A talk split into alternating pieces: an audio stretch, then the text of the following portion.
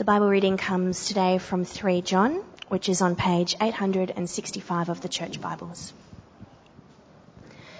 The Elder. To my dear friend Gaius, whom I love in the truth. Dear friend, I pray that you may enjoy good health and that all may go well with you, even as your soul is getting along well. It gave me great joy to have some brothers come and tell about your faithfulness to the truth and how you continue to walk in the truth. I have no greater joy than to hear that my children are walking in the truth. Dear friend, you are faithful in what you are doing for the brothers, even though they are strangers to you. They have told the church about your love.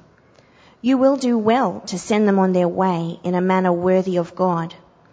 It was for the sake of the name that they went out, receiving no help from the pagans.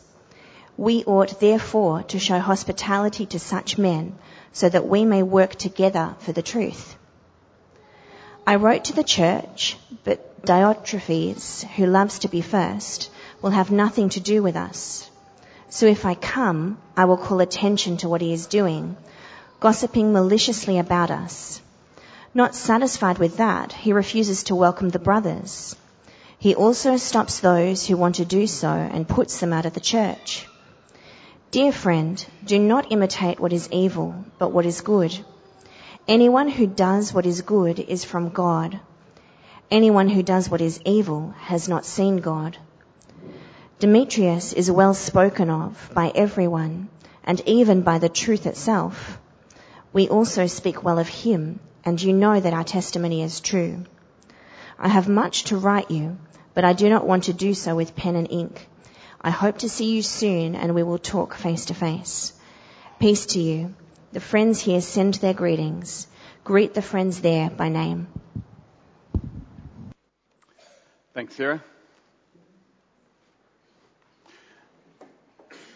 Well, it's great to be here this morning with you to open the Word of God and to bring our series, uh, Love in Little Letters, to a conclusion. We're looking at that passage Sarah just read to us. So it'd be really good to have it open as uh, as we go through some of those things this morning.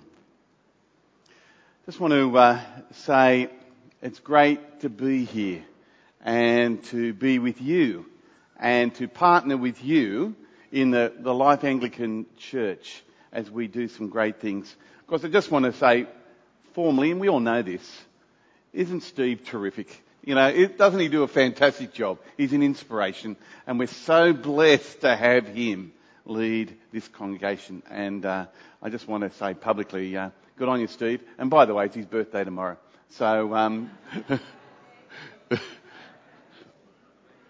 He'll thank me for that, I know. Yeah. Friends, we've been looking at a number of uh, the small letters of John. 1 John was written to uh, a church, and there's, there's no sort of specific people mentioned in the first letter, and it, it addresses issues. 2 John was written to an anonymous personal reference to what was said to be a chosen lady and her children and her sister and her children. We take it too, John was written to a house church and maybe these ladies had, were hosting this church uh, in their home. The third letter, the one which Sarah just read to us a moment ago, doesn't look like the others at all. It is totally personal. John writes a personal letter to a close friend. And Gaius is his close friend and he gave hospitality. Diotrephes, he was the one who refused hospitality. And Demetrius, he's the one they are to, to give hospitality to. Let me sort of get the big picture of these three letters the first letter starts wide and addresses issues. The second letter speaks to uh, a family, and this letter speaks to one man only. And so this letter is just a brief note. Look, you can go home today and say, look, I read a book of the Bible and think you're a good little Pharisee or something, but I don't know, you've read a book of the Bible today. Alright? But this book was, is small and it's da- a dashed off note to a heroic Christian who had to stand firm in a community where it was struggling under a, a single antagonist. So let me give you the setting. John is probably in Ephesus, you know, a large area where Christians are gathered and doing a ministry there. And the first letter talks about struggling with truth and, uh, and those who turned away from the truth. The second letter confronts the person who's causing the issues. And both these letters, 1 John and 2 John, are rejected, tossed out by a man called Diotrephes, who was very influential in this church. So John sent emissaries to the church, but Diotrephes stepped forward and refused to acknowledge them. These travelling ministers we see in verse 10. He even repudiated John publicly, we see in verse 9. He spread rumours about John's character in verse 10. In fact, Diotrephes, he forcefully stopped anyone who came to the church, but he even went a step further. He said, if you receive one of these ministers, I'm going to kick you out of the church too. So you can see this is a very, very forceful man. And these missionaries who had come had found one courageous man named Gaius. And Gaius, I believe, is the most popular male Roman name of the day. So, you know, there's a lot of them around, but we don't, we don't know his full identity. But we do know that Gaius was a very close friend of the apostle John, and he was a man of truth and love. And so we read in your Bible in verse 1, to my dear friend Gaius, whom I love in the truth. What a beautiful thing spoken of here. In the body of Christ, there are close friendships that are warm and loving. Beautiful. And, and this is the picture of our church here. Today, the, this morning, the depths of bond of love and friendship in this room is of God, is special. This friendship is seen to be beautiful and pure affection we have for the family of God. And when I see you do that, it's delightful to see the Spirit of God working in you. Just love being part of this congregation, to see how you love God and serve each other in doing that. Well, we're told here that Gaius made it his habit to offer hospitality to those travelling Christians.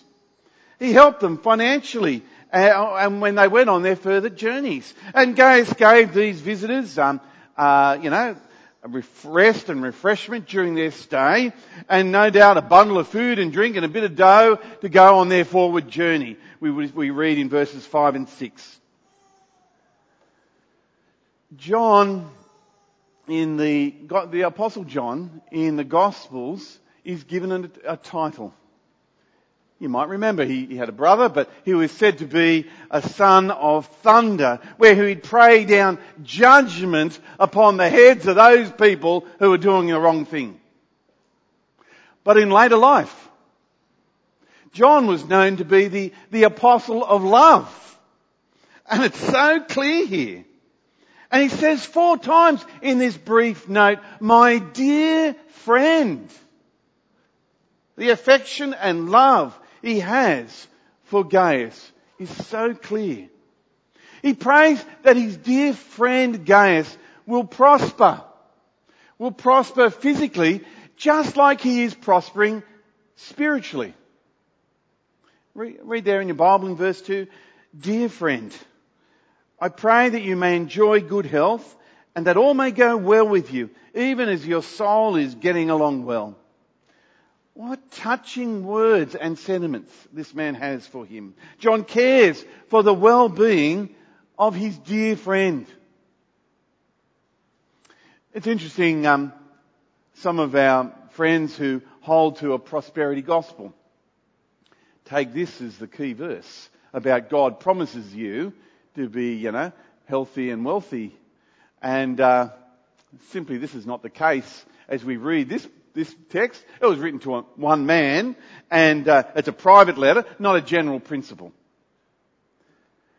Well, when these visitors, these travelling missionaries, came back to John, they gave this glowing report about Gaius. Wow, this guy's a legend. He puts us up, he pays for us, he's such an encouragement. And in their report to John, he says, but there's, there's this guy, Diotrephes, and uh, he's selfish and power mongering, and he's rebelling in the church of God over there. So, what is John to do when he hears this report? The elder John is trying to work with the congregation. It's probably a house church and uh, it's being led by a man who was rejecting John's pastoral authority. He wants to visit the church and sort things out, but it's just not possible at the moment. Maybe in a few months, but not at this point of time. So he sends a letter to his dear friend Gaius. He's planning to come, but says, Gaius, you are faithful Remain faithful. Look, I'm going to come and personally sort this out with Diotrephes myself, he says. John does not ask Gaius to intervene, but stand firm until he comes. Now the courier of this letter, you know, they didn't have Australia Post, did they, Lynn? And, uh, you know, they didn't get someone else to do it. They had to have someone pass this message on. And it was Demetrius we see here. And, and Demetrius, he was a perfect person to deliver this letter. He was well loved by the congregation and well known to be, uh, by, you know, by the congregation to be a lover of truth. And he was a good friend to the apostle John. So Gaius is encouraged by John to, when, when Demetrius comes, show hospitality and put him up in your place and stand firm. Stand firm against Diotrephes' self-seeking, his controlling, his ruthless gossip, his, his slander and his attacks, particularly on John. Don't, don't provoke this troublemaker, he's saying. I just sort of step back and reflect for a minute. Conflict is part of life, isn't it? We, we, we have conflict in ourselves, don't we? If we look ourselves in the mirror and reflect on what, who we are and what we're doing. We have conflict in our marriages. We have conflict in our families, amongst our friends, our work colleagues, our neighbours, and even in church.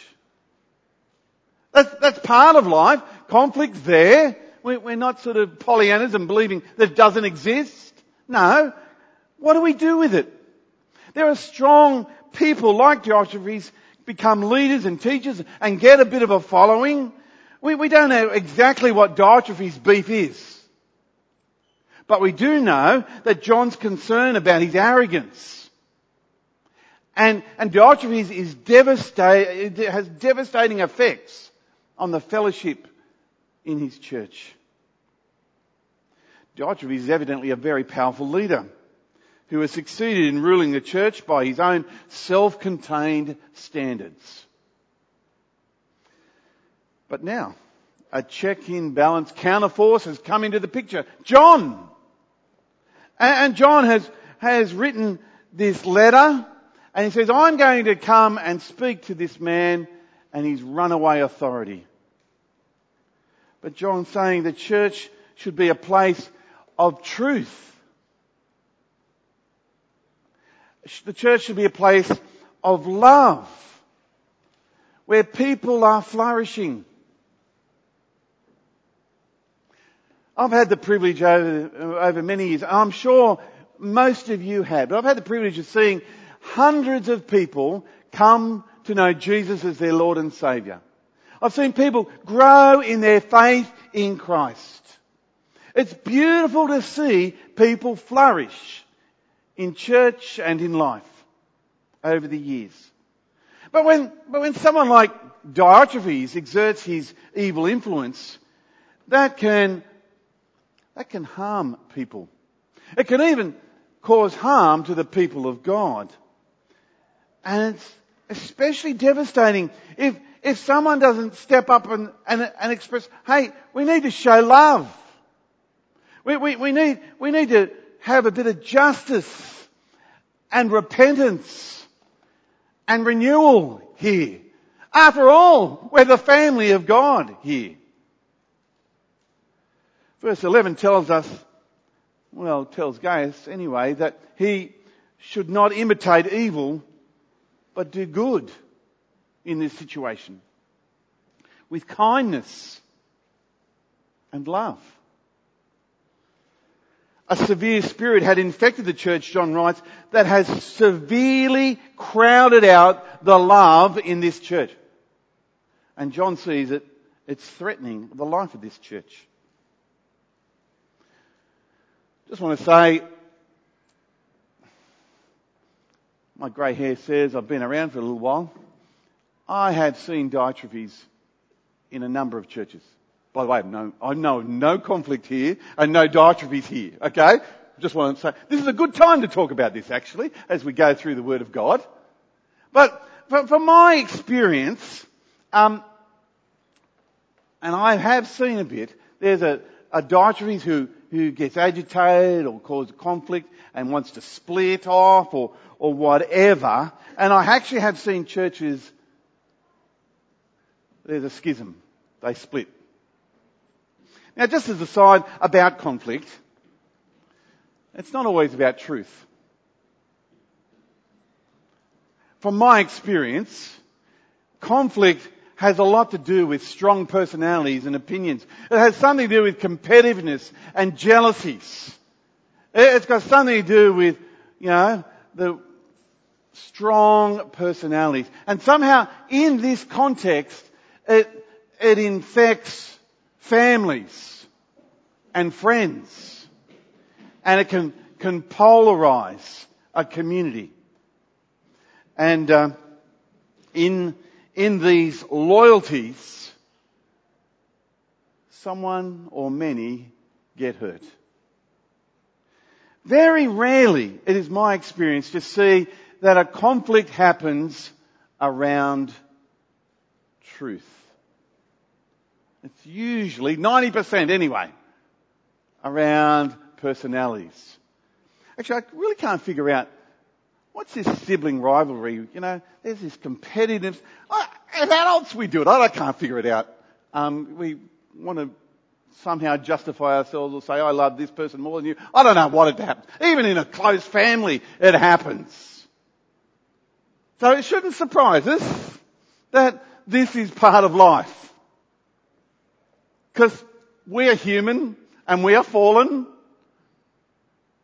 So, I've noticed something here with John, how he approaches this. It's really helpful as I've reflected upon this in my preparation.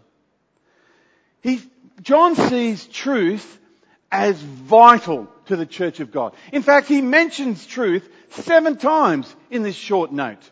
So it's really, really vital. And it's also important to see that this man, John, never gives up. He persists. He persists. His first letter, tossed out.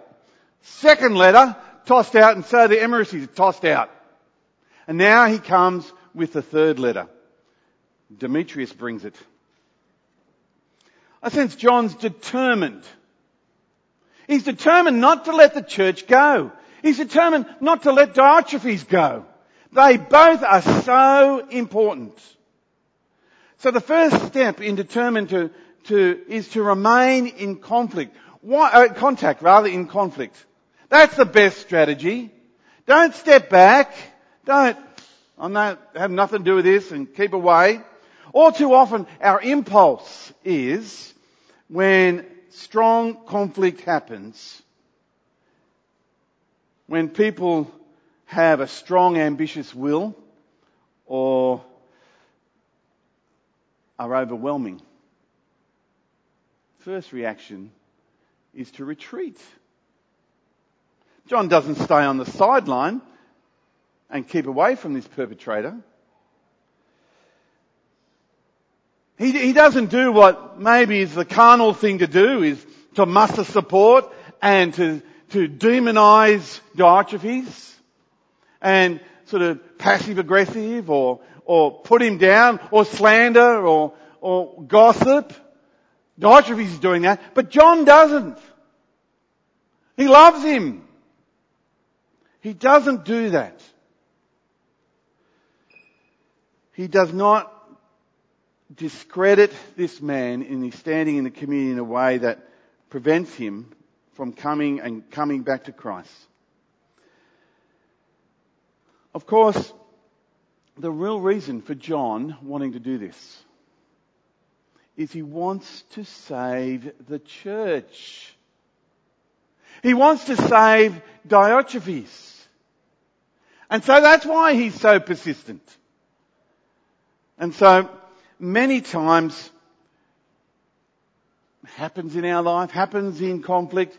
People often replace the zeal for the body of Christ with personal ambition. And if this grows, let me say, it will harm the church of God. But there's another reason why Diotrephes doesn't give up is he, he, sorry, John doesn't give up on Diotrephes is he, he loves him and he wants him to grow in his faith. In fact, John is the only one really, as he knows he's going to go face to face with him, John is the only one who can really speak into this man's life. And that's the only, the only strategy of love to him is for John to do that. Churches are a funny place, and churches in the 21st century are, are, are funny. Um, let, me, let me say, as a leader, sometimes it's hard to confront something that's not going right or, or conflict. In God's given us many different ways to run churches, but in, in the Baptist church, in the way they govern, it's uh, a bit of a dangerous uh, thing to do for a pastor to confront someone who's hurting others if that person's on the diaconate panel. Because that bloke can kick you out. So you can see it's a big thing for a leader to approach someone and correct them because it has effects on the leader. So my point is, for myself, I want to be up front, for Steve, he, we're not to be out doing this on our own. We need your support. We need your prayers. We're not, we're not doing this as lone rangers. We're doing sure as the, the leaders of God's people, but not alone. Well, the second strategy that um, that John gets here is um, he gets support and advice. We see that that uh, John wants to speak to Gaius when he comes, person to person, yes, and uh, and he wants to get Gaius's perspective on the situation. John did not call Gaius to manipulate the situation to, or to confront Diotrephes. Gaius knows the situation well and is not embroiled in it. And certainly he's not infected by Diotrephes' way of thinking and rebellion. But John needs Gaius' input and objectivity when he comes. John does not ask Gaius to fire his bullets at all. Rather, pastors need objective input that is anchored in wise counsel of elders is always a good way ahead. And we see that John is a wise man as he anticipates to do that. The third strategic thing John adopts is just fantastic in this uh, brief note. We see here that John is willing to personally talk to Diotrephes. Yes, he sends a letter, but only to reassure Gaius to remain true and faithful so that he will, so that when John can come and personally sort it out. The temptation is to avoid Diotrephes and fall silent. No doubt that would have been a, you know, a thought that John had in his mind at one stage. It certainly does for me if I encounter a conflict situation. You know, I don't know if I want to engage in, in that. It's one thing to write a letter. It's another thing to send a messenger, but it's altogether a separate thing to go personally and confront the opponent. Look in your Bible in verse 13. He says, I have much to write to you, but I do not want to do so with pen and ink. I hope to, to see you soon and we can talk face to face. That beats Facebook comments, doesn't it? That beats emails, doesn't it? Person to person matters in the church of God. Friends, I have lost count over the years to see how emails can make things so difficult. They can really mess up good relationships. They can really stuff up a great church. They can really wreck a church and uh, the trust and love that they have. Let me give you a scenario. Something happens and uh, you write, you type something off passionately. There's nothing wrong with passion. Nothing wrong being frustrated and, and wanting to do things, you know, say things. Maybe ventilating is not the best way of doing it with an email, but what happens is you often write this after 11 o'clock at night, don't you? And, and these words that you send off, you know, they can be construed to be far harsher than you ever intended them to be. And uh, they can cause a lot of harm, enormous amount of harm. So, what's my advice? About emails? About Facebook?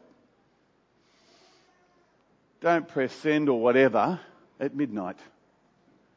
Just hold off in the morning. Ask your spouse, is this a good thing to say? Inevitably they'll say, no way. But, you know, don't send it off in a heap of frustration or anger. Alright? Secondly, a bit of advice, it's only advice. If you're going to send an email that's more, no actually, if you're going to write more than uh, three paragraphs, don't. Don't. Pick up the phone and have a chat with someone. Actually, better still, go, go, go and have coffee with them and talk to them. That's the best approach to communication where you can personally talk through the issues and reduce the amount of ambiguity in the, in the communication. It's, you know, emails are neutral, can I say at one level, but you've got to use, you've got to use them well. The important thing is, we are to be personal. We are to be relational and we are to be loving. Let me uh, go off track just a minute and talk about this issue of loving in conflict. Okay? 25 years ago, when I was an assistant minister in a small church, there was a very difficult conflict that emerged in the church that I was at. And uh, I wasn't directly part of it. It was between the senior minister and someone else. And uh, I was in leadership of the church, but I felt like Gaius in this situation. I was a bit of a spectator. I was a bit on the sideline watching the tennis ball go backwards and forwards. And uh, I remember this conflict was between a, a, a hot-headed, outspoken member of the congregation and the senior minister.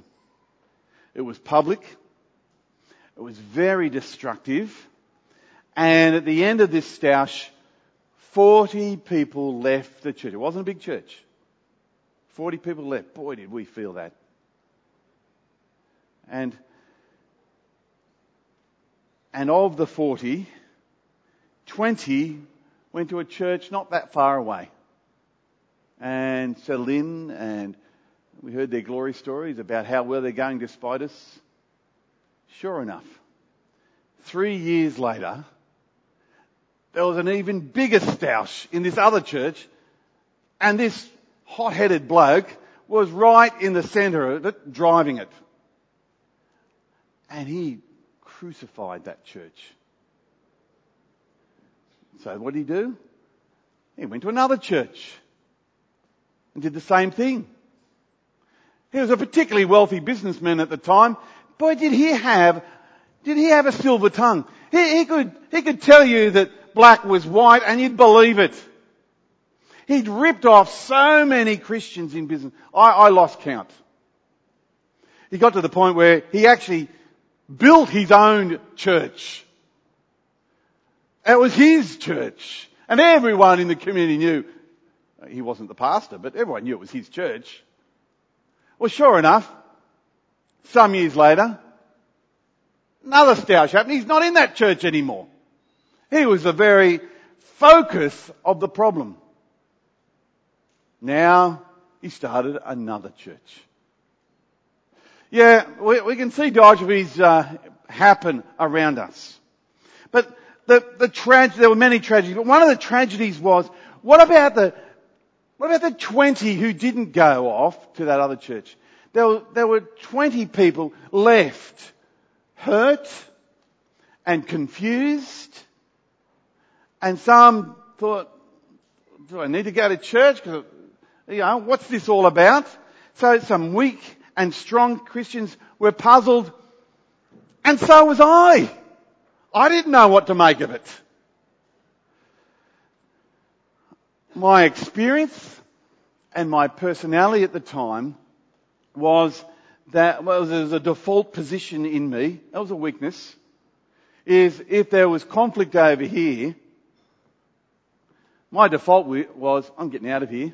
I'm going to go over here. I'm not have nothing to do with conflict. It's just too hard. Now I knew that wasn't wise in the end. I knew that wasn't healthy. I knew that that wasn't good. I wanted to get a handle on how to deal with conflict. And it was early days. I think I went to the first uh, sort of Christian conflict resolution course in Sydney. And uh, I just wanted to understand this. And uh, I remember at the, at the end of the course, you know, you know the course, uh, you get you stand up and say something. Well, you know, uh, Muggins here had to get up and say something. And I remember saying there was a, there was an aha moment for me. And, and the aha moment was me to say,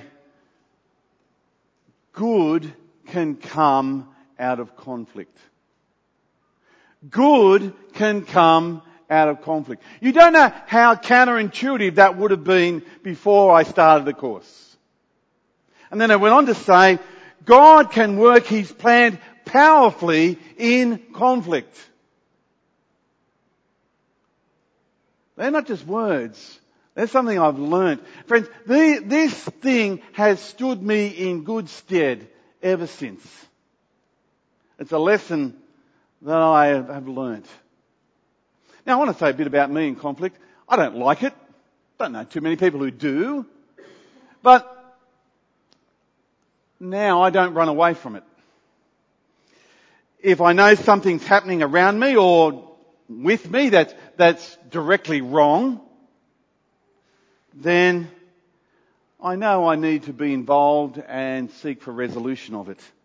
Sure, I hope to be conciliatory. I hope to be sensitive. I hope to be a peacemaker in this. But I do know God works in conflict. I don't know, God works in me in that situation, and I have seen that God works in the people of God in resolving this. So conflict is not necessarily bad. John, in, in now in the uh, the end of this very short note, finishes some, with some very touching words. He um, he says in verse 14 of your of your Bible there, I hope to see you soon, and we can talk face to face. He says to his dear friend. The Christian church is a fellowship. Friends, we today are a fellowship. And, and, God is at work in this room, in our relationships, on how we, we love God and love each other. And they, they only exist on the basis of God's love to us. And so what does it look like minimally? Keep doing what you do here at 10 o'clock on Sunday morning. Keep coming. Don't, don't take the foot off the accelerator. Keep coming. Be regular. It's really important relationships with the people of God and with God. And, and, and, by the way, if you want to go further with that, keep, and you do, and I'm suggesting you do, keep going in being part of a life group. Where you can you know, be involved with other people and, and minister to other people. You know, church, well, church go for, you know, by the time you, actually it's a long walk now, but say, say two hours on Sunday morning. Seems like two and a half hours that walk up the ramp, but anyway, um, uh, uh, say church goes for two hours on a Sunday morning, you know, from go to woe and everything else in between. Church is not about being entertained or being a spectator. It's not about, gee, didn't Steve speak well today or wasn't morning tea great or it was good to catch up with my mate and have a few laughs. That's not what church is all about. It's about being with each other and bearing one another's burdens. Friends, that's where traction is. That's where the depth of relationship takes a, a next level. John goes on to say, I'll see you soon. In my reflections upon this, uh, I was reading uh, some C.S. Lewis. And C.S. Lewis was a very famous writer of uh, a few years ago, and um, he said, Christians should never say goodbye. Huh. You know, goodbye, I think, comes from God be with you or something like that. But he said Christians should never have the finality of saying goodbye and I'll never see you again. To the effect of, I'm going to see you tomorrow or next week or next month or 10 months time or in glory. I think that's right. We, we anticipate the ongoing relationship with each other. The Puritans of a few centuries ago got it right. The Puritans said, and, and it's right, that the day of your death is not a tragedy. The day of your death is the best day of your life. It's the best day of your life because you go to be with God. Wow! Don't we look forward to that day? You know, all this stuff here, we just go to be with God and it, it'll be so good. We, we should be living for that day when, when we go to be, expecting it, anticipate it, and rejoice in it. But not only do we go to be with God, but we go to be with all of God's people. Wow. And, and the people in this room now we're going to spend eternity with if we love Jesus. And not only that, church on Sunday morning. It's a taste of heaven. Of the love and affection that we have for each other. So this is the picture of, of who we are. And, and what a beautiful picture it is. We see in John seeing the value of friendship in the people of God. Well, it doesn't get any better than that. John concludes his brief letter by saying these words. Peace to you. The friends here send their greetings. Greet the friends there by name. Actually, name tags are really helpful for me. Um, there's a lot of mates, and you know you can't you can't just call everyone mate. Person, uh, being personal to people is vital, and relationships are vital. And knowing people by name is a reflection on that and showing that affection. So let's continue to love each other. What, what a great way to conclude this series on, you know, love in little letters. Of seeing, friends, this is, this is really important. That this church here remains true to the Lord Jesus and we love each other. Let me pray. Lord, you, you have been so good to us. Lord, we are so happy that we've been reminded today that of the depth of friendship in church and that it's so important. Lord, help us to foster good relationships here in love. Help us to have robust friendships that we can speak the truth in love at all times. And Lord God, I thank you for the love here in this room. It is so clear that you are working. I thank you for all the wonderful people here who love you and serve you so well. Thank you. Would you please help us this year to grow in our love for you and for your people? Would you please continue to protect our relationships that, that, that we always hold love and truth together of your word. And we pray all these things in Jesus' name. Amen.